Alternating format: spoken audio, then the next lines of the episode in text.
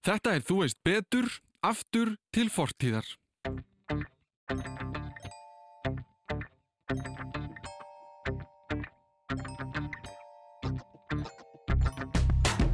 Þann 17. júni fyrir árið síðan var á dagskrá yfiritt þáttur fyrir Þú veist betur þar sem við fórum yfir fyrri þætti og hlustuðum á sum brot sem kom ekki fram í upprónlegu þáttunum.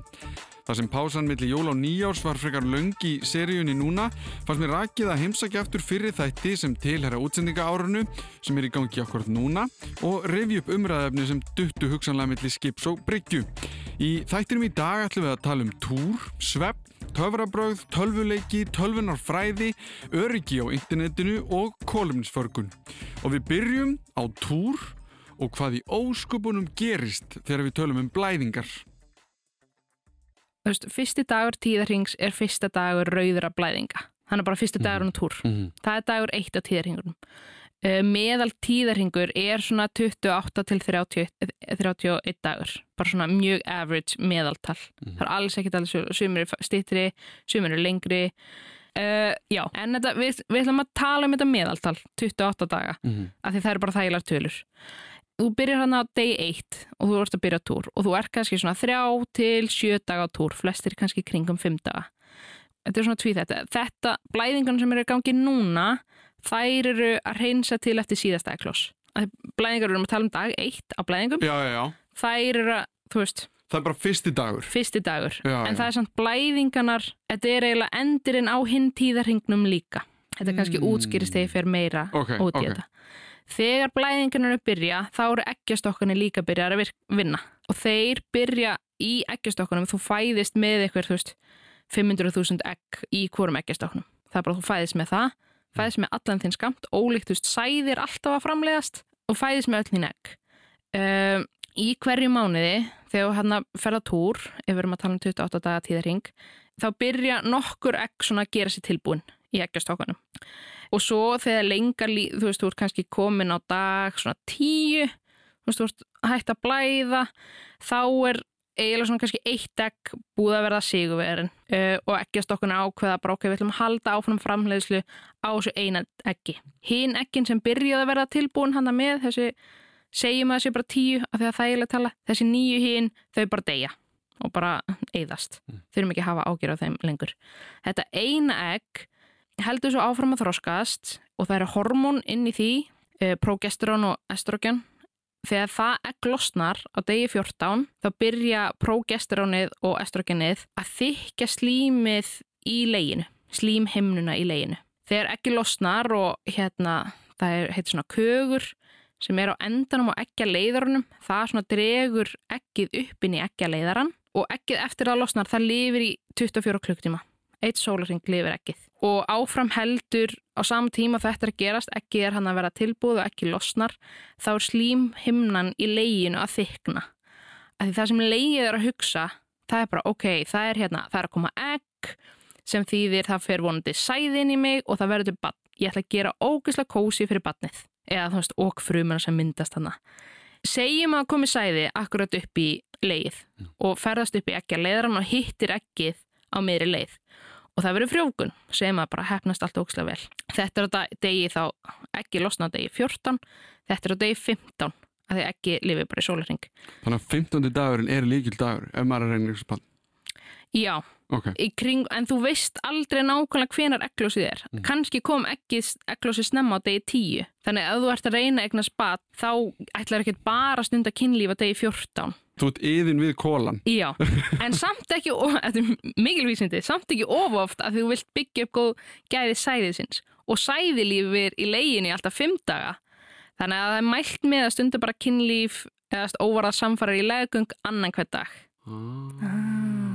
Ok, Ok, höldum áfram. Já. Það er dagur 15. Uh, í eggja leiðarunum sem er svona mjúkt rör þannig séð frá eggjastoknum yfir í leið. Þar á frjókun sér stað. Sæðið fer inn í eggið og kviskvast búm. Það er byrjið að skipta sér. Á meðan er leið ennþá að gera sér þykkara og þykkara. Þú veist, legg slíman er svona að bæta við sig vef Mhm. til að gera kósi fyrir eggið. reyðugerð. Já, bara reyðurgerð í leginu. Mhm. Það er bara þykki sig og þykki sig og bara gera ekstra kósi og mjúkt og búið til norðan næringuefnum fyrir frjókaða ekkið. Svo degi svona 5 eftir egglos þá er ekkið, eða þú veist, fruman sem hann að sæði, frjókaða fruman. er Þá er að tala kannski dag 20, Já, er það ekki svona dag- sirka? jú, jú, Já, jú, dag 20 eftir á tíðarhengnum, já, einmitt. 5 dögum eftir egglos. Mhm. Já, þannig svona 18 til 20, þá er ekki komið niður og þá grefur það sig inn í legslímið í leginu.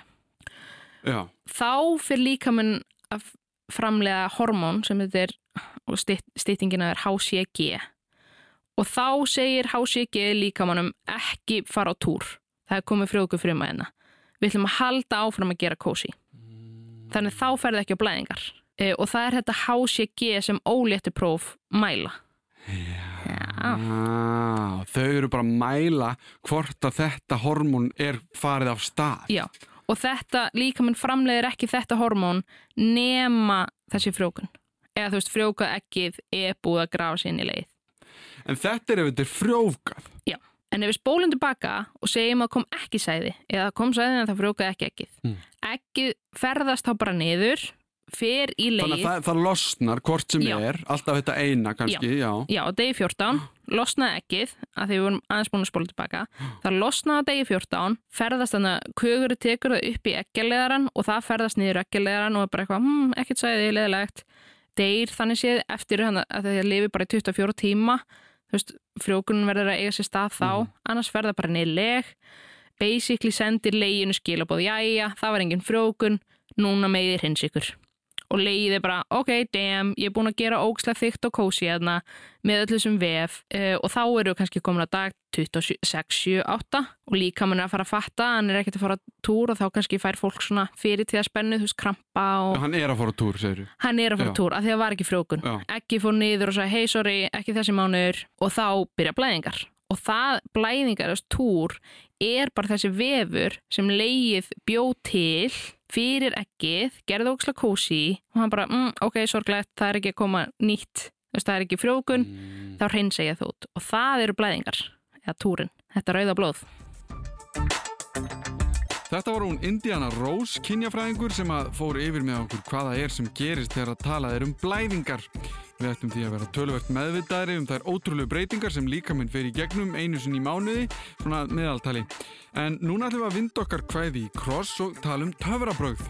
Ég fekk til mín Lalla töframann til að fara eins yfir þetta með okkur og við stöldrum við þar sem hann útskýrir hvernig upplifun fólks fyrr á tíðum hafi verið á töfrabröðum. Fólk held allt að þú veist, jörnum verið þú veist flöt og þú veist og veist, ég er ekkert að ég er ekkert að ásaka fólkum að vera að fá þetta, það er bara þú veist, þetta var bara í gamla daga, þú veist og hérna, menna, í gamla daga held fólk að svari við öllu verið bara guð. Og svona, af hverju er þetta? Já, guð. Og uh, þú veist, svo var bara útskýringin guð allstaðar á heiminum. En hann var alltaf mismunandi að því að það var ekkert internet. Þannig að það þurfti að svona, þegar svona fór út um heiminn og svarið var guð einhvern veginn, það var bara svona útskýring hjá fólki og, og svo ef einhver og, og guð, þessi vera þú veist, var eitthvað svar og það var eitthvað sem var yfirnáttúrulegt. Og ef þú varst eitthvað að ruggla í því þá varst þú bara vondikallin mm -hmm. og brendur á báli. Þú veist, það er tiltölulega stutt síðan að fólk var bara, já mm, já, hann er bara þú veist, að gera uh, töfrabræð sjónkverfingu bara, mm, þetta er skemmtilegt. Já, ég get haft gaman af þessu, þetta er alltaf lægi. já, ég get haft gaman að þessu einmitt en ekki bara eitthvað hvað, hvað, orðið hrætt og eitthvað, Já. eitthvað satan, eitthvað, ég veit ekki En hver er fyrsti töframæður? Sko, er það eitthvað svona... þeir eru, þeir eru fullt ef við ætlum að koma nær okkur og því sem við köllum töfrabröð þá er það eh, Robert Houdin hann er franskur. Hann er gaurin sem hann nútíma veit þetta og sagði þú veist, ei, þetta er bara ótrúlega gaman og Og er allir flottir og eitthvað. Hann fættist árið 1805 Ok, þannig að þetta eru 200 ár. Já, þú veist, það eru 200 ár síðan að, hérna, ymmit, að það varð að svona fólk var ekki bara hrætt við þetta. Já. Og hvað var það sem hann gerði þá sem að hann fór í hérna, kjólfötin Já. og hann fór í kjólfötin og hann fór að gera töfrabröð með uh, venjulegum hlutum. Erum við þá að tala um spilagaldra eða já, spilagaldra og þú veist, láta rós hverfa og notaði borðdúk kannski til að láta ykkur hverfa.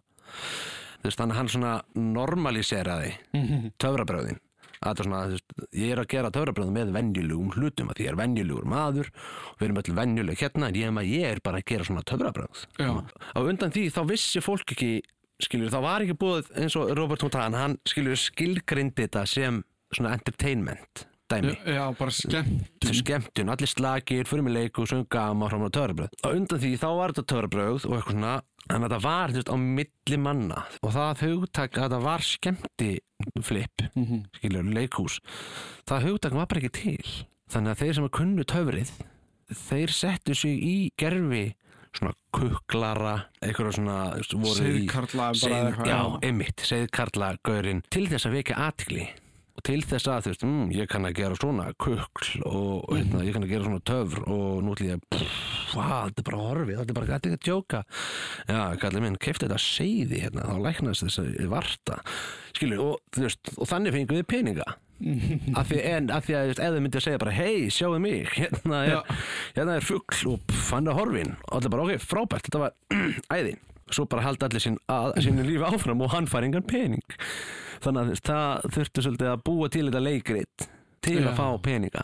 En þessi frakki, býr hann til bröðin, eða töfrabröðin sjálf? Já, hann bjóð til fullt hann bjóð til fullt af dóti sko frægu dóti, þú veist, hann, hann var sko úra smiður og handlægin gaur Mm. þú veist, hann notaði tækni til að gera töfrabröð Hann er hann fyrir svona cirka 200 árum og er í. Fraklandi og verður frægur sem töframæður Já. í þessum kjólfötum og kannski Já. býr til þessa, þessa ímynd býr til þekkjum. þess ímynd sko, já, Og hvað sko, hvað gerist núna síðan í framhaldinu? Þetta er í Fraklandi, ég þekki bara eitthvað Houdini, skilur mig. Já, einmitt. Sko, Houdini, Erik Weiss, eins og hann heitir, hétt, en uh, hún var mikill aðdándi, Robert Houdin, þannig hann tók upp Houdin, Houdinið í Houdini er, Það er það sem ég Það- tengdi strax við. já, þannig að Houdini leit upp til Robert Houdin, Mhm. setna mér ekki, en við þurfum ekki að fara þanga. Þetta er Harry Houdini, ábúinlega fræ, á, held ég bara frægast að hana töfrana fyrir Ég hefði haldið það, já. Einmitt, Já. svona, overall myndi ég segja þetta held ég. Hann, hérna, þú veist, ólst uppið uh, Robert Houdin og Houdini, hann fættist hérna 1874 eða 70 árum eftir að Robert Houdin fættist. Fyrst var hann bara töframæður, skiljur, Mhm. bara fúlblast töframæður og hérna var að gera töfrabröð með þú veist, spil og peninga og svona og var alveg ógeðslega góður í því og svo var hann, lærði hann að pikka upp lása hérna bara þegar hann var lítill og, og setna notaði hann það að láta handjátna sig og losa sig úr því það var það sem gerði hann frægan það er auðvitað hægt að halda áfram endalaust í öllu þessum þáttum en við stoppum hér áður en við tölum aðeins meira, ég og Lalli, um Harry Houdini og hvað það er sem gerði hann svona frægan. En næst er það svefn. Eitthvað sem skiptir okkur öll máli, eitthvað sem við gerum svona eiginlega bara á hverjum degi eða nóttu og mikilvægt að ræða eins um. Hún ástildur Margrét Gísladóttir, sálfræðingur, hún kom til mín til þess að ræða þessa hluti og við hoppum inn í þáttinn þar sem að ég er búin að spyrja hana hvað er það sem gerist þegar við sofum illa eða lítið.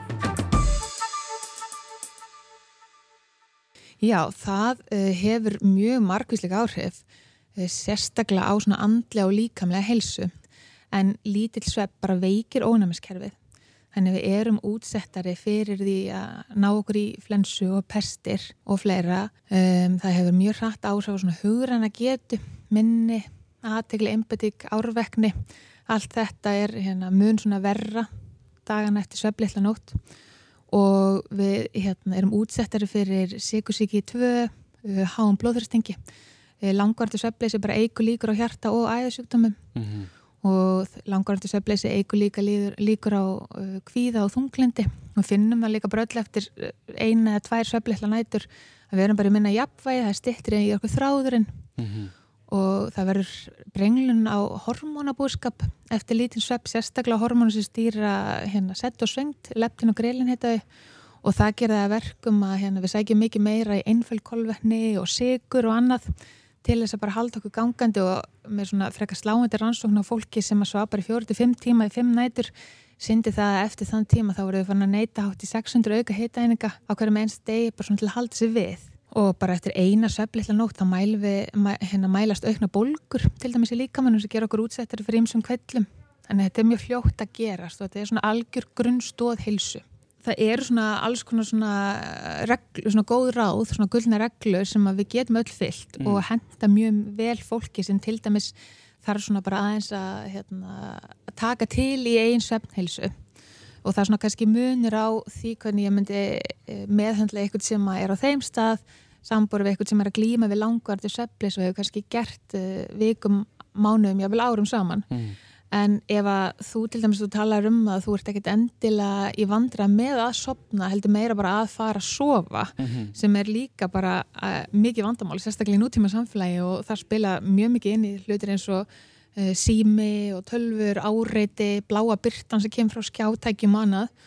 Svona fyrsta reglan sem ég mætti bara gefa þér eitt ráð, það væri að hafa reglu og rútínu á sefninu þínum, þannig að þú væri að fara að sofa sama tíma sólurrings og vakna sama tíma sólurrings alla daga vikunar og líkum helgar. Af því að það hjálpar þessari líkamsklukku að stilla sig af og um leið og þú er komin í svona ákveðin fasa að þá verður fyrr þreyttur á ákjóðslega tíma ákvöldi af því að þú vaknaðir á ákveðin tímónana en þá er líka ákveðin, svona, ákveðin hluti sem við þurfum að hafa í huga. Til dæmis það að þegar fyrir líða kvöldi þá fyrir við að auka framleysla, þá auk, eigu líka með framleysla á svefnhormoninu melatonin mm -hmm og alveg svona fórsenda þess að við getum sopnað á endanum er að melatonin nái ákveðinu svona hámarki.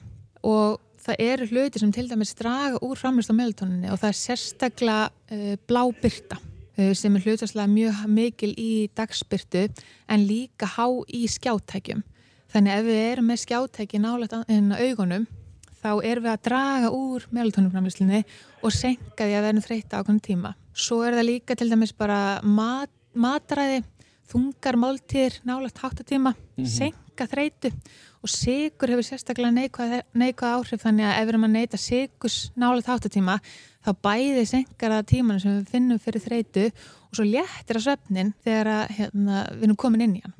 Þannig að þegar að blóðsikurinn fellur þá léttir svefnin og þetta dregur úr djúpsvefnin þannig að við erum ekki að ná eins góðu hlutvalli Eh, af djúpsafni eins og við myndum annars ná sama með reyfingu, reyfingu að daginn að degi til myndi gera þið þreyttan en ég myndi alltaf mæla með því og stundar reglulega reyfingu og líka vegna þess að nóttina eftir eh, að fólk stundar bara 30 minnur reyfingu þá dvelur það hlutastlega lengur í djúpsafni. Bara nær betri svept gæðum. Þannig að svona lífstílsvenjur væri alltaf að fyrsta sem að ég myndi hérna, benda þér á að taka í gegn. Og svo mótnana að þegar þú vaknar að reyna að fá dagljós, Eh, vegna þess að melatoninni heldur áfram í framleyslu fram eftir mótni ef við náum ekki að stoppa það og þar er dagsljós langt sterkast af opnið og að þú nærða að stoppa framleyslu á melatoninni þegar þú vaknar það eigur líkur að vera þreytur ákveðin tíman um kvöldin. Og á vetuna til dæmis þegar það er dimt á mótnana hérna þá mæli ég bara með svona dagljósa lömpum. Já sem að fólk þarf bara að hafa í sjónsviðinu í svona 20-30 mínútur. Þú veist, það þarf ekkert að vera alveg auðnaður, bara fólk getur haft þetta bara inn á bærbyrgi eða við mataborða á mótnana eitthvað, svona þannig að þetta séð í sjónsviðinu og það stregur mjög rætt úr þessari framleyslu og gera verkum að við verum þreyttar á kvöldin. Að það er alltaf svona hluti af söp meðferði er að svona mynda jákæðar tengingar við rúmi sitt, þannig að heilin færi að tengja rúmið við svepp en ekki við staðin þar sem þú ert bara að borða og taka símtöl og horfa þætti og bara ert bara að koma með allan heiminn upp í rúm sem er bara mjög algengt og fólk er bara að læra þar og vinna og svo framvegs mm -hmm. en um leiðu það er hægt að færa þetta allt fram og aftengja þetta rúminu þá er heilin líka fljóður að gera tengingina tilbaka og það hjálpar okkur bara að sopna þegar við leggjumst á kottan Þetta hann ástildur Margret Gísladóttir, sálfræðingur, að fara aðeins yfir með mér hvað er svona slemt við að sofa illa eða lítið. Þetta hefur áhrif, meiri áhrif en maður kannski heldur. En nú eru það tölvuleikir Hún kom til mín, hún Sigurlína Valgerður Ingolsdóttir og við rættum aðeins um bransan sem hún hefur verið í lengi og þekkir allar hliðar á og við ætlum að hlusta á broturþættinum þar sem við förum aðeins yfir hvernig framtíðin geti litið út. Og þú hugsaður um sko þróunina sem eru orðið síðustu 30 ár. Og kannski, þú veist, sérstaklega hvernig sko þróunin í grafík og, og kannski viðbræði og allir þú veist að tala um, hún ætla að verði líka alltaf bara sko meiri og meiri og meiri. Og ég held að það séu tveir hlutir sem að skipta máli þarna. Annars vegar er við getum eiginlega ekki ímynduð okkur hvernig þetta verður eftir 40 ár mm -hmm. en við getum kannski veltið fyrir okkur ef við horfum á það sem er í dag eins og við horfum á Pong núna veist, þá er, er sko, þá einhvern veginn ímyndum að sér að maður sé bara í, í sko, einhverju fullkomnum síndraveruleika það sem að maður upplifir í raun og veru ekkert róf á milli þess að þú skinjar frá glerugunum og það sem er að gerast í raunverulega, raunverulega og þú getur var, verið í, í sko, hvers konar svona fantastískum heimum sem að líti út fyrir að vera alveg raunverulegir meðvinniðinum og hérna, ég held að það sé ekkit óraunverulegt, ég held að við munum sjá þessa stóru, flóknu leikjaheima sem koma fram í skáldsögum eins og Snow Crash og, og hérna kannski margir af að séð í, í bíomundinni Ready Player One sem var hérna það sem var svona útópískur tölvuleikja heimur sem fólk fór inn í gegnum síndarveruleika en livði svo í einhverjum svona ömurlegum raunveruleika, svona mjög dystopískum mm -hmm.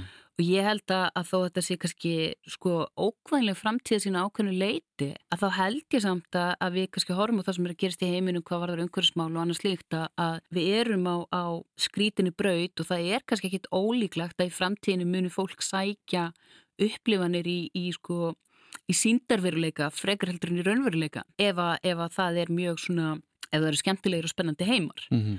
Hins vegar að þá er samt sem áður kannski þessi leit af útlitslegri fullkomnun og fullkominni svona eftirlingu að raunveruleikanum ekkit endilega það sem spýr til skemmtilegustu leikina eða skemmtilegustu leiki heimana.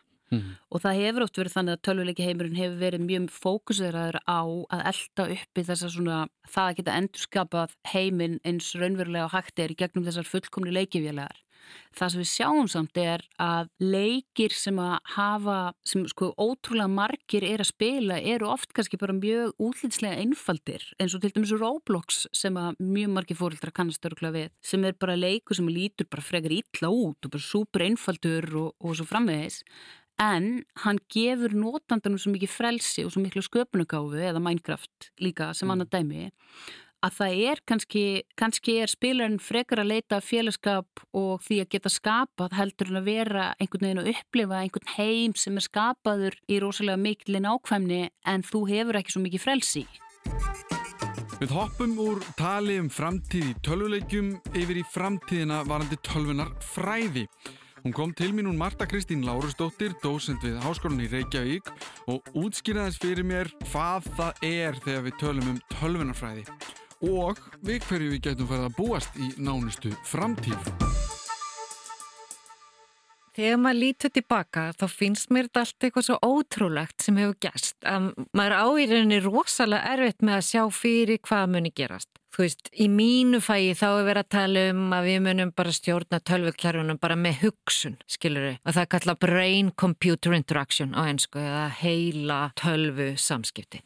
Og þá bara hugsa maður, hérna, þú veist, Emmitt, spilaði þetta lag fyrir mig núna og þá bara kemur þetta lag og þetta er náttúrulega æðislegt fyrir fólk sem er hérna kannski lamað og eh, hefur ekki tök á að nota neitt annað en höfuð til að stýra einhverjum kerfum og það er búið að falla vídeo sem sína konu fá sér súkulaði með einhverjum svona hérna, robota svona hendi sem setur upp í hennar súkulaði að því hún baði um það. Er þetta komið? Já, það er, er verið að gera tilrauninu með þetta að, sagt, Uh, já, svona eiginlega meira vélmennum eða einhverjum uh, svoleiðis En hún er að hérna- stjórnisu, að það er verið að stjórnisu með hugsunum? Já, hún, það er þess að tölvu kerfi sem að hlustar á hennar hugsun. Hvernig hlustar það á hennar hugsun? Já, það eru, það eru, það eru skinjarar á hausnum áni og skin, hérna, sem að senda uh, heila bylgjur og tölvukerfið skilur þetta, þetta þessi skilabóð og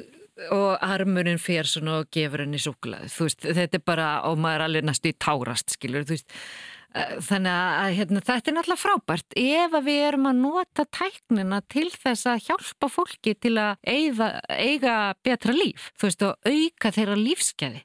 Og ég er bara sko, eiginlega, ef ég á einu óska þá er það að við notum tölvu tæknina til að auka lífskeiði fólks en ekki á hinvegin. Og, og ég held sko að við séum stundun alltaf svolítið blind fyrir því þá þegar við erum að hann eitthvað nýtt, þá getum við ekkit alveg alltaf ímynda okkur hvernig það verður svo notað. Veist, og það sáum við svolítið mikið í til dæmis myndinu þarna Social Dilemma sem ég er búin að horfa á nokkru sinnum. Að þú veist, hönnuðnir af bara like hérna nappinum á Facebook, þeir heldur bara að þeir var að gera eitthvað rosa sætt og sniðt þú veist að bara fólk hérna getur svona að setja þetta eða þeir langaði til en þeir fattu ekki að það væri hægt að gera svona like. Myndi virka þannig á, á úlinga þau væri kvínari og ymmislegt skiluru Og það bara þeirra kannski áttu þessi ekki á fíkni hliðinni til þess að á lækum. Nákvæmlega, skilur þeir heldur bara að þeir verið að gera eitthvað sætt og snutt og þeir segja það í myndinni. Og, og þú veist, og sama er með gamla dæmi um Excel, skilur þannig að byggu bara til eitthvað svona kerfi sem átt að reikna út tölur, skilur í svona dálkum, sko, og það voru línur og dálkar og eitthvað, og svo er þetta nota, þú veist, þess vegna til að hana viðmót og til að, þú veist, setja upp skipulag á stórum verkefnum í verkefnastjórnunarferlum og og komið svolítið langt, langt, langt út fyrir það sem að fólki sem átti hugmyndina hafiði ímyndað sér, skilur þau. Og, og þetta finnst mér, að maður er kannski áliðin aðeins svo gammal, ég er 57 ára, að mér finnst sko einhvern veginn að þetta vera svolítið þannig að við, hérna, já við vitum ekkert alveg og getum eiginlega kannski ekki alveg ímyndað okkur hvert allt þetta leiðir okkur. En ég bara vona svo innilega að tölvutækni leiði okkur þanga að þetta muni, já, auka okkar lífskeiði og muni ekki sagt, vera til þess að við verðum óhæmyggjusum. En erum við ekki, að því að við tölum um í byrjun að þróun er búin að vera svo brjálaðislega hröð að við erum alltaf eftir á. Við erum alltaf eftir á í að reyna átt okkur á því hvað er þetta að gera, hvað áhrif er þetta að hafa. Og mér finnst eins og við séum svona smá núna að svona ná okkur einhvern veginn hvaða áhrif hefur læk á andlega líðan þú veist, þetta er bara 40 ár mm. ég meina, 40 mm. ára einstaklingur er ekkert gamal mm. en sá einstaklingur getur verið búin að vera frá upphafi tölunafræðin ánast og fram til dagsins í dag það sem ég kannski pæla er uh, af því að það sem þú talar um með heila örgjörfan eða hvað sem þetta er sem þetta endar í þú veist, að við séum bara einhvern lítinn örgjörfa bara inn í heilanum á okkur hljómar eins og eitthvað stórkastlegt fyrirbæri líka en það hljómar einnig eins og hræðilegur hlutur af því að við vitum nú þegar að það er fólk að hakka sér inn á tölvunar okkar það er að hakka sér inn á ískápana, það er að hakka sér inn á allt nánast sem er nettengt og að það verist vera þannig að ef að einhver aðlið sem er nógu fær í þessu öllu saman, þá kemst hann þangað sem hann vill og það bara er þannig. Þá hljómar mjög illa að vera með örgjörfa sem er mögulega 5G tengdur inn í heilanum á okkur. Erum við ekki byrjað átt okkur á sko hættunni líka og hvað það sem við erum að gera sem að stjórna náttúrulega öll í líf okkar hefur líka áhrif á aðra hluti heldur en bara, herru, gerum bara lægtaka, það er ósláð skemmtilegt og sniðið.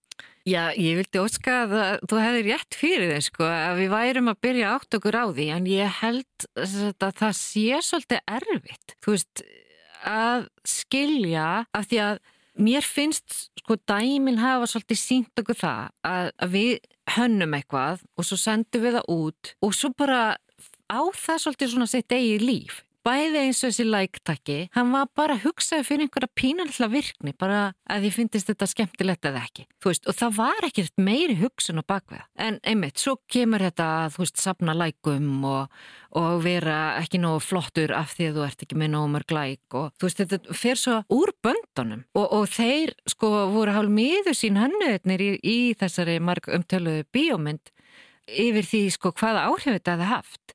Þannig að ég held að því miður sko er ég kannski aðeins svarsýtna en þú að ég held að við hefum bara mjög erfitt með að ímynda okkur hvaða áhrif sem getur haft. En, en þá verðum við bara vonandi, höfum við gæfi til þess að snúa svolítið við blaðinu og reyna þá að breyta okkar hegðun eða þú veist þess að taka bara út hérna, eins og lægtakkan. Ég meina það er byrjað. Já, mm. skilur þau. Þannig að þú veist að læra þá af reynslunni og, og ég vona líka líka að við séum svolítið með þessa, að því það kom líka svolítið fram, sko, og, og að, að hérna, sumir af þessum mönnum sem voru að tala um þessa þróun hérna í Social Dilemma kvikmyndinni, þeir töluðum að, að fyrir svona einhverjum tíu ára síðan að þá var þessi hugsun í gangi að við værum að reyna að gera eitthvað sem að hjálpaði fólki og væri til þess að auka þeirra lífskeiði. En það væri ekki lengur þannig. Það væri orðið meira stjórnað af svona bara einhverjum peningasjónamiðum og reyna að halda okkur lengi inni til að selja auglýsingar, gera okkur háð þessu. Þá erum við orðin svolítið vond, skiluru. Þá erum við ekki að hjálpa eða reyna að auka lífskeiði fólks, heldur erum við bara að reyna að, að græða pening. Og ég bara vona að við áttum okkur nógu snemma til þess að geta stoppa svo leiðis af og að við nýtum okkur alla þessa tekna sem við höfum til þess að auðvelda okkur lífið en ekki til að gera okkur það erfiðara. En ég held að sá sem hannar eitthvað ákveðið, hann á ekkit alveg auðvöld með að vita það. Ég held að flestir séu svona kannski með þá hugsun að þeir vilji auðvelda og þeir séu að gera gott en það er ekki þeim að kenna ef þetta verður svo til íls þeir bara vissi ekki betur. Það er vandlifað að vera tölunafræðingur eða forreitari eða hvað sem það er sem býr til eitthvað viðmót eða app eða hvernig sem það er sem að snýst sér einhvern veginn í höndunum á manni og verður að einhverju allt öðru. Einhverju sem að er kannski ekki alveg svona nógu gott fyrir okkur sem að notum það En talandum hluti sem að snúast í höndunum á okkur eða hlutir í tölvum sem að eru kannski ekki alveg nógu góði fyrir okkur þá rætti ég við Theodor Ragnar Gíslason eitt stopnanda Sindis um stafarænt öryggi. Það var frekar óþægilegt oft á tíðum en það kom það í ljóstaldið í gegnum þáttin að Ekkert okkar er örugt, en ég ætla ekki að vera með neitt hraðslu áraður hér. Við stoppum bara við í þættinum þar sem að Theodor talar eins um þessi innbrott sem er að eiga sér stað í risatölvukerfi eða smá út um allan heim. Engin tölvuarás er án ummerkja. Þannig að þegar þú ert í þessari einskona ringul reið í gegnum netkerfið, þú hára að hafa í huga flestir hakkara þegar þeir brótast inn á eitthvað netkerfið, þeir veit ekki, þú veist, þó þekki stýrikerfin og þekki svona grunn netinviði og allt þetta, þú þekkir ekki það staðalnet sem þú ert inn á eða hvernig það fungerar. Eh, það þarf að sletta þetta, þú veist, assuming network conditions, þú veist, það er að segja hvernig skilja þar aðstæðu sem ég komin inn í. Á meðan þú ert að átta á því hvað þú ert, þú ert að gera, stíga alls konar feilspor og þú ert að gera alls konar mistök sem árásræðili og þú ert að búa til rauglóðandi flögg hér og þar. En vandamáli er bara að það er annarkort engin kerfi að fylgjast með þessu annar borð. Og í þeim tilfellin sem það er þá er þið oft mjög takmörguð og, og jafnvel þegar aðlar eru komni með góð kerfi, kerfi sem sem greina þessi flögg sem eru stöðut að koma upp og láta vita þeim, en þá gerist ekki neitt þrátt fyrir það. Og ég þekki þetta sérstaklega á Íslandi mjög vel. Það er kannski búið að fjárfyrsta 20 miljóna í einhverjum dýrum kerfum og þú veist, maður er ekkert að reyna að feila sig, maður fer inn og að, ætla að taka yfir þetta nettkerfi og hérna, ætla að auka réttindi mín með einhverjum superstöðluðum leðum. Við erum að tala um mjög einföldum aðferðum sem er einhver annar er búin að búa til fyrir þig. Og það er búa allar viðvörunabjöllur að fara í gang í þessum kerfum sem eru til staðar, þessum skinnjurum, munurinn er bara svo að það er enginn að fylgjast með þessu. Og stundum þegar aðlar er að fylgjast með þessu þá veit það ekki hvernig að díla við þetta. Og af því að þeir skilja kannski ekki alveg hvernig þetta virkar. Alveg eins og með vennlegt fólk sem er með að átta sig á hérna, einföldu phishing árs fyrir eitthvað sem ég kannski bara, já ok, veist, það er það einfaldast staði einfaldast stað en tæknimennir oft og þeir sem selja kerfi og búna sem á að venda gegn þessu hafi ekki hennar skilning. Þannig að við erum að díla við nýja hættur eða nýtt að vera það sem bara er óbúslega lítil þekking. Alveg frá venjulegu, bara ömminu ömmu afa yfir í teknumennar sem reka tölvkerfin okkar og selja okkur e, skinnjarana. Þannig að þú veist það er ekki þetta líkissu alveg sama við hérna, Securitas ennþá. Nei, nei. En auðvitað náttúrulega verður það að vera á einhverjum tímbúndi. Þú veist við verðum að vera með eitthvað betra heldur en núverandi ástand. Því að þetta er, já, þetta er bara, þetta er allavega ekki gott ástand. En það sem ég get sagt er, það sem er mest skeri við þetta er, er að flestir verð ekki vari við þegar árásræðili er að gera það sem þennar auka réttindi sín á netkerfi frá, þú veist, segjum ég brótist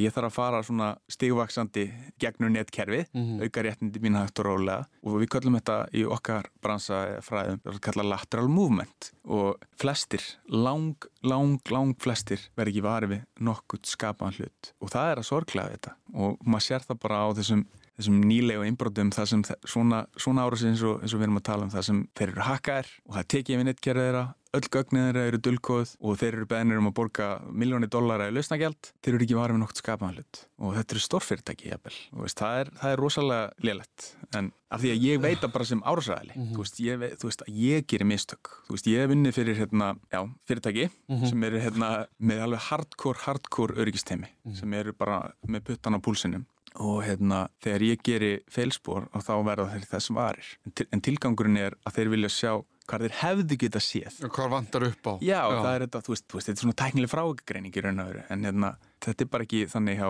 flestum þessu fyrirtækjum, eins og þegar Garmin var hakkað, er ekki varið við nokkuð skapaðan hlut og svo bara skýttu þeir upp á bak, eins og ég, svo sem sagt að Já, en að, sko, eins, sko, eins og við tökum það því ég held að kannski það eru, eru mörg að núti sem kannast við til dæmis það. Mhm. margir sem eru með garmin úr og allt þetta.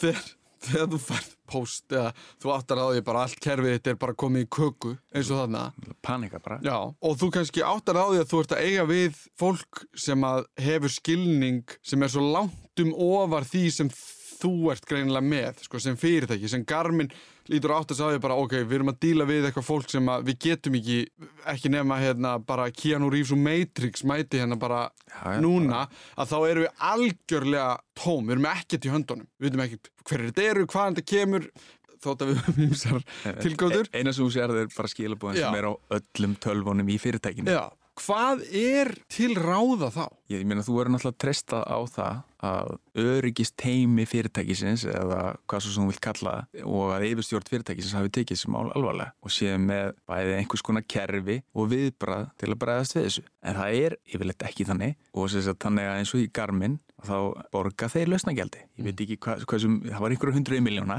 og þess að, að það er fljótast að leiðin út úr klípunni fyrir þá og það er það sem þeir gerðu og þeir komi netkerfinu sinni, það tók það svona alveg held ég hátt í tvær vikur að, hérna, ná, að, ná, aftur, að ná sér aftur upp þráttur að hafa borgað lausnagjaldi. E, í tilfelli Garmin að þá var þetta fyrst og finnst bara að vera að dulkoða gögnin en bara núna fyrir nokkru dögum Mm. Að þá var hérna, fyrirtæki sem heitir CD Projekt Red sem er pólst fyrirtæki, held að sé pólst, já Mm. sem eh, er að gera töluleiki og er, já, með Cyberpunk 2077 og, og Witcher leikina og Rísastóri leikir. þetta er, þetta er bara reisastórt fyrirtæki Já. þetta fyrirtæki er á markaði, þú veist, þetta er alveg ekta fyrirtæki, fyrirtæki sem ætti að fjárfesta í öryggismálu Sérstaklega í þessum bransa, sko. Já, Það er í tölvu bransanum nú þegar. það er í tölubransunum en þú veist, auðvitað er náttúrulega þannig að þú veist, þetta er ekki core competency hér eða þú veist, þitt svona, þinn business akkur eftir að vera þessu þú veist, þú veist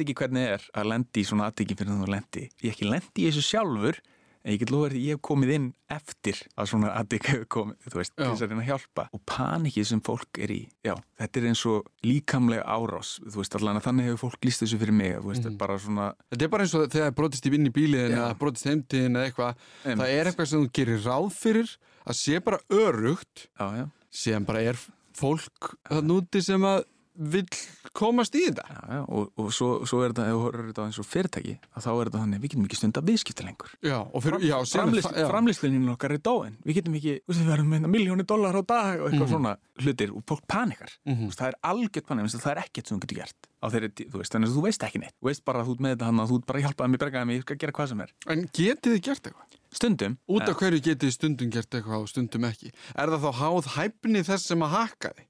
já, gæti verið það en Já. það geti líka verið að, þú veist, það sé það var hann að fólk sem tók þetta alvarlega og það hefði verið hugað að betri afritum eða, eða svona þannig að þú getur fljótlega endurkraft á tiltekin gögn Mhm. eða, eða þýjunleitt Já, stundi gera hakkararnir líka mistök eh, en ég er svona yfirleitt þegar þú lendir í þessu þá er skæðan Já. á mestu leiti en þú veist, ég hef sjálfur hjálpa fyrirtæki að borga á lausnagjald og í því tiltekna dæmi þá var engin auðveld leið út úr dæminu. Þú veist, auðvitað segja maður við fyrirtækin ekki borga. Mhm. Þú ert basically bara að, Segja að þetta virkar. þú ert að fýta markaðin og allt það, þannig að ekki borga, ekki borga en sko, já, við getum ekki stunda viðskipti. Við eigum afreitt sem eru 30 dag gömul á einhverju teip að búið að eiðilegja online afreitin okkar. Svona hlutir. Við fyrir á hausinn eftir þú veist, nokkra daga, hérna, veist, þetta er eitthvað svona svona hluti sem allt í einu kom inn í og svo er, þú veist, kannski einhver, allt í einu tæknimaður að hérna, tala við stjórnaformannin eða eitthvað líka. Og hann bara, já, já, verk áallun, þú veist, eitthvað svona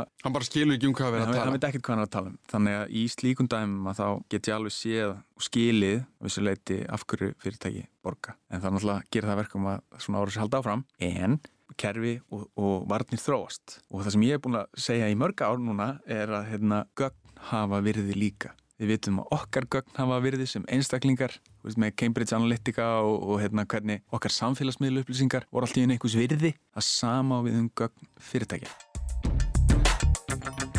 Það er mikilvægt að við áttum okkur á því að gögnun okkar sem og fyrirtækjana sem við eigum eða eigum partur af skipta máli og eru verðmætt og í einhverjum tilvikum eru einhverju aðalega hérna úti sem að vilja eignast þessi gögn. Það virðist bara vera sá tími sem við lifum á. En úr stafrænu öryggi förum við einhverja allt aðra átt og tölum um vatn, H2O. Það er hvar sem við lítum, kranar, sturtur, klósett, bara að nefna nokkra hluti sem eru heima hjá okkur úr þessum hlutum kemur heitt og kallt vatn eins og okkur listir. Hann kom í heimsók til okkar hann Olgeir Örliksson, starfsmöður hjá Veitum og fór yfir máli með okkur og við stoppum við þar sem að hann fer hans yfir hvernig við fáum allt þetta vatn til okkar þegar við viljum.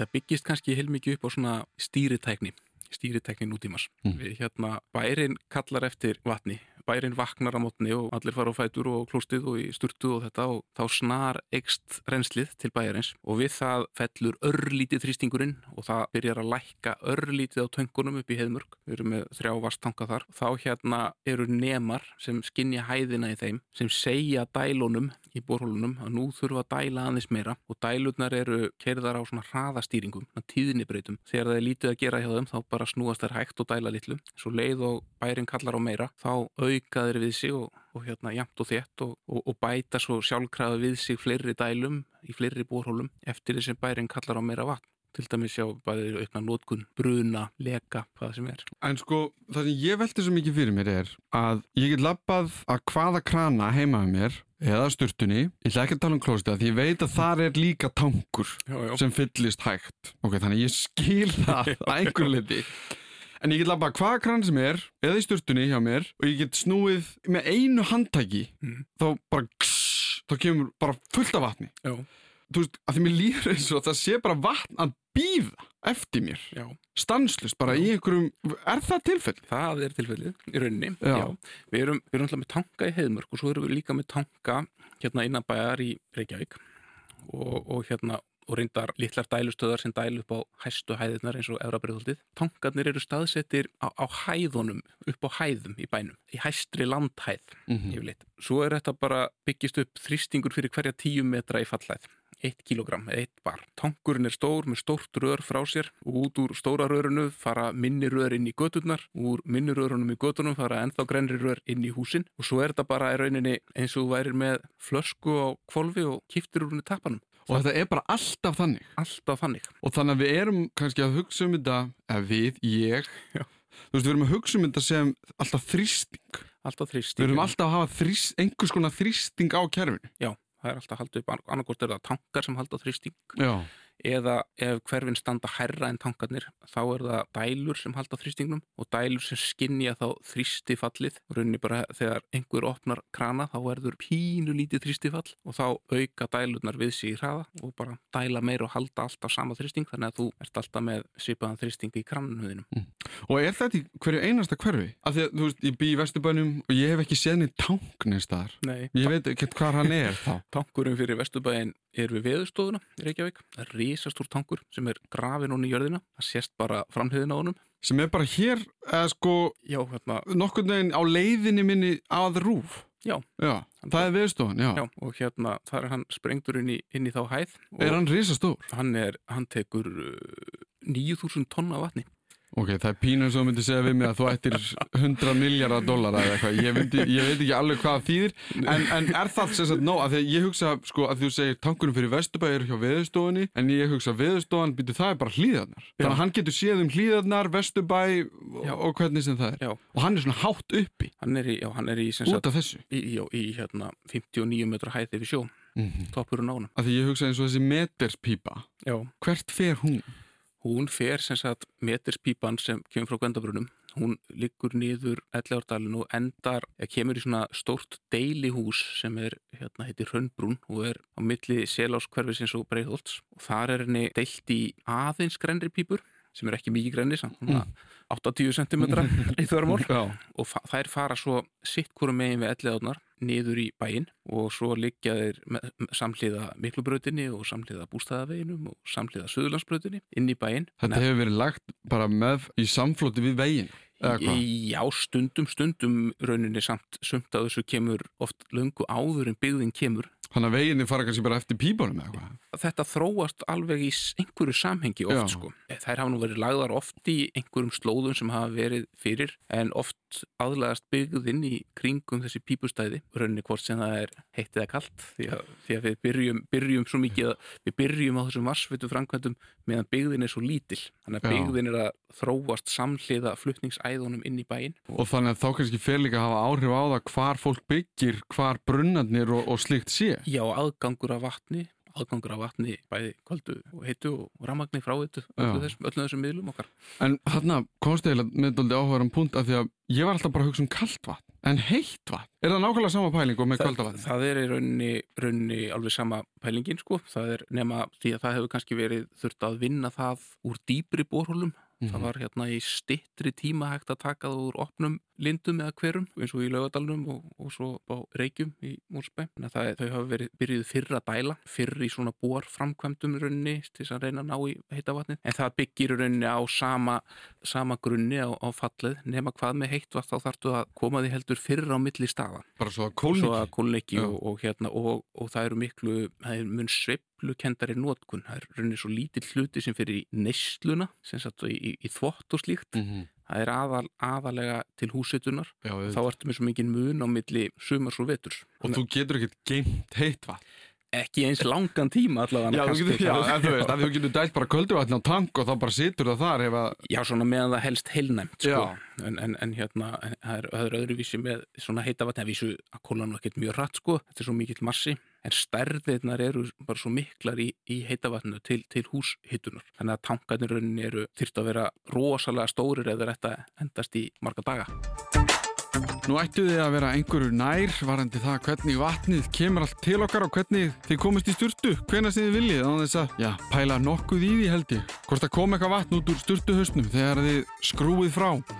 En nú í lokin ætlum við aðeins að hlusta á samtal sem ég átti við hana Eddu Aradóttur frá Carbfix.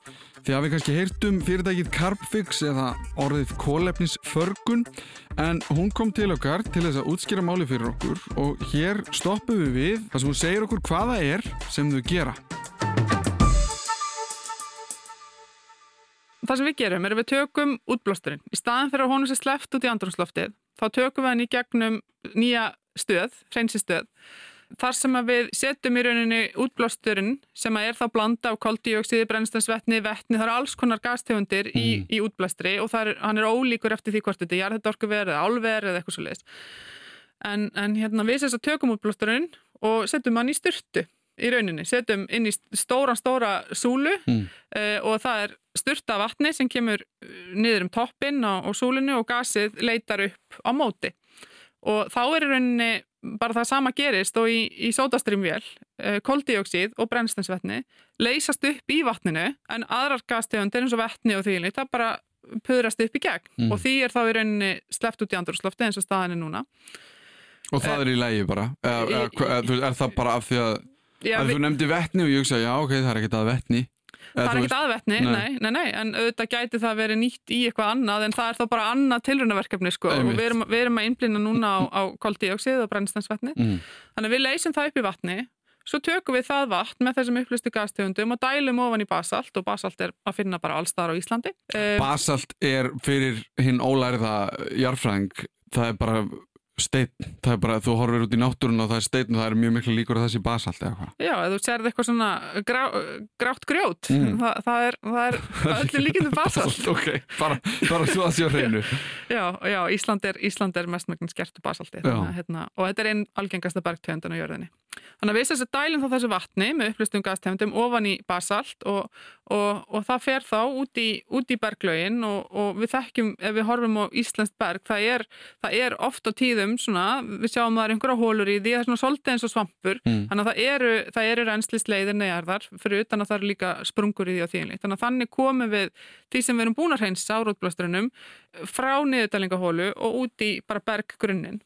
Og þá smám saman byrja þessi efna hver vega sér stað. Fyrst leysu við hluta af efnunum úr basaltinu upp af því það sem við dælum niður er súrt uh, með látt sýrsti og síðan í setnaskrefinu þá verða til þessar nýju steindir.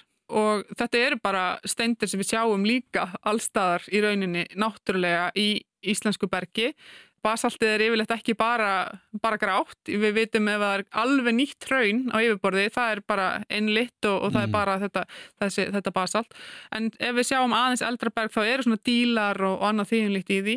Og það er þá oftar en ekki þessar steindir sem við erum að mynda, þessar karbonát steindir þetta er, þetta er bara eðlilegt ferli í, í náttúrunni, en gerist hraðar með þessu í rauninni tæknilega yngripi sem er í rauninni samt ekki mjög mikið yngrip af því að það er engin, það er ekki verið að nota slæm efni eða neitt þýðinlegt, við þurfum bara vatn og ramagn í, í þetta ferli En af hverju gerist þetta svona hraðar heldur en í náttúrunni? og því að við í rauninni eins og ég segi, búum til þar aðstöða neðarar sem að flýta ferlinu og það er þá meiri styrkleiki af koldíoksiði í vatninu heldur en væriðar náttúrulega. Þannig að við rauninni setjum eins mikið koldíoksið í vatnið og við getum. Og hvernig föttuðu þið hvað það væri mikið? það eru bara eðlisfræða lögumar sem að leifa okkur að reikna það út. Það var sem sagt ekkert eitthvað, heyrðu, prófum að gera 1% viðbót og látum við þetta út í Nei, og sjá hvað gerist. nei, nei, nei það, þetta, er, þetta er bara hérna, efna á eðlisfræði sem er búin að vera þekkt í Já, margar bara- aldir sko, þannig Ok. að það, það, þetta eru bara svona þessar standardjöfnur sem við vorum að nota og auðvitað tryggjum við bara að við séum með ákveðin öryggismörk og allt tíumlíkt sko, þannig Mm. við erum ekkert eitthvað að lifa á brúninni sko, Nei. fyrst og fremst þarf þetta auðvitað að vera örugt, þannig að, þannig að það, var, það var í raunin ekki flókið. Mm. En þegar komin sko ok, fólki sem er að hlusta þetta það, upp, það þekkir rosa lítið aðra orkuþörf eða orkusköpun uh, og það meina ég bara að búið ramagn uh, heldur en endur nýjanlega það er hins vegar þannig að það, það er ekki tilfelli í meiri hluta bara jarðarinnar. Þannig að þörfin okkar til þess að taka allan útblástur og fleira er kannski ekkert eitthvað brjálæslega mikil varandi þetta orku sköpun en við horfum kannski bara á bílana, flugvelanar, allt þetta ef við byrjum kannski bara á þessu skrefi frá því að vera bara svona, svona hugmynd að þannig yfir ég bara fara í bara hefur við ætlum að taka útblástur úr virkunum eitthvað svona massíft mikið magn. Þú veist, af því að ég gerir ráð fyrir að hellisæðavirkjun sé með tölvert reynari útblástur jafnvel átt þessi útblástur með að við eigum að segja kóla orkustöð einhver stöður í Kína eða bandarækjunum eða eitthvað hvernig, hvernig skö, skalið þið þetta upp? Frá því að vera bara, herri, núna erum við að eiga við bara frekar þægilegan útblástur yfir í bara eitthvað bara það versta, það er bara 100% kólareikur eða eitthvað sem er að fara út í loftið. Já, þetta er auðvitað aðeins mismunandi eftir því hvað starfsemi á í hlut og bæði hvað varðar efnasamsetningu á útblæstri og er einmitt eitthvað annað, eitthvað rík eða eitthvað, eitthvað annað í því heldur en, heldur en til dæmis í, í jarðhættanum en, en líka auðvitað bara magnið. Mhm. Jarðvarma virkjanir losa auðvitað rosalega lítið koldíoksíð samanborið við virkjanir sem brenna í jarðbnæðslindi kannski 3-6% eða svoleiðis. En það breytir því ekki að þetta er enga síður tölveru hluti af okkar kolumnspori ef við horfum á Ísland. Eh, Þannig að auðvitað er bara mjög jákvægt að geta beitt tækninni hér á landi til þess að minka okkar losun.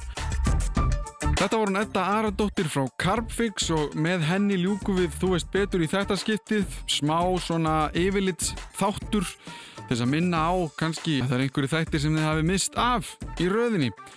Ég þakka viðmælendurum mínum öllum fyrir að koma til mín og ræða við mig um alla þessa hluti og þakkum leið fyrir mig. Ef það er eitthvað getið þið sendt mér post á allimarat.ruf.is Annars heyristu í næstu viku. Þetta var Þú veist betur, aftur til fortíðar.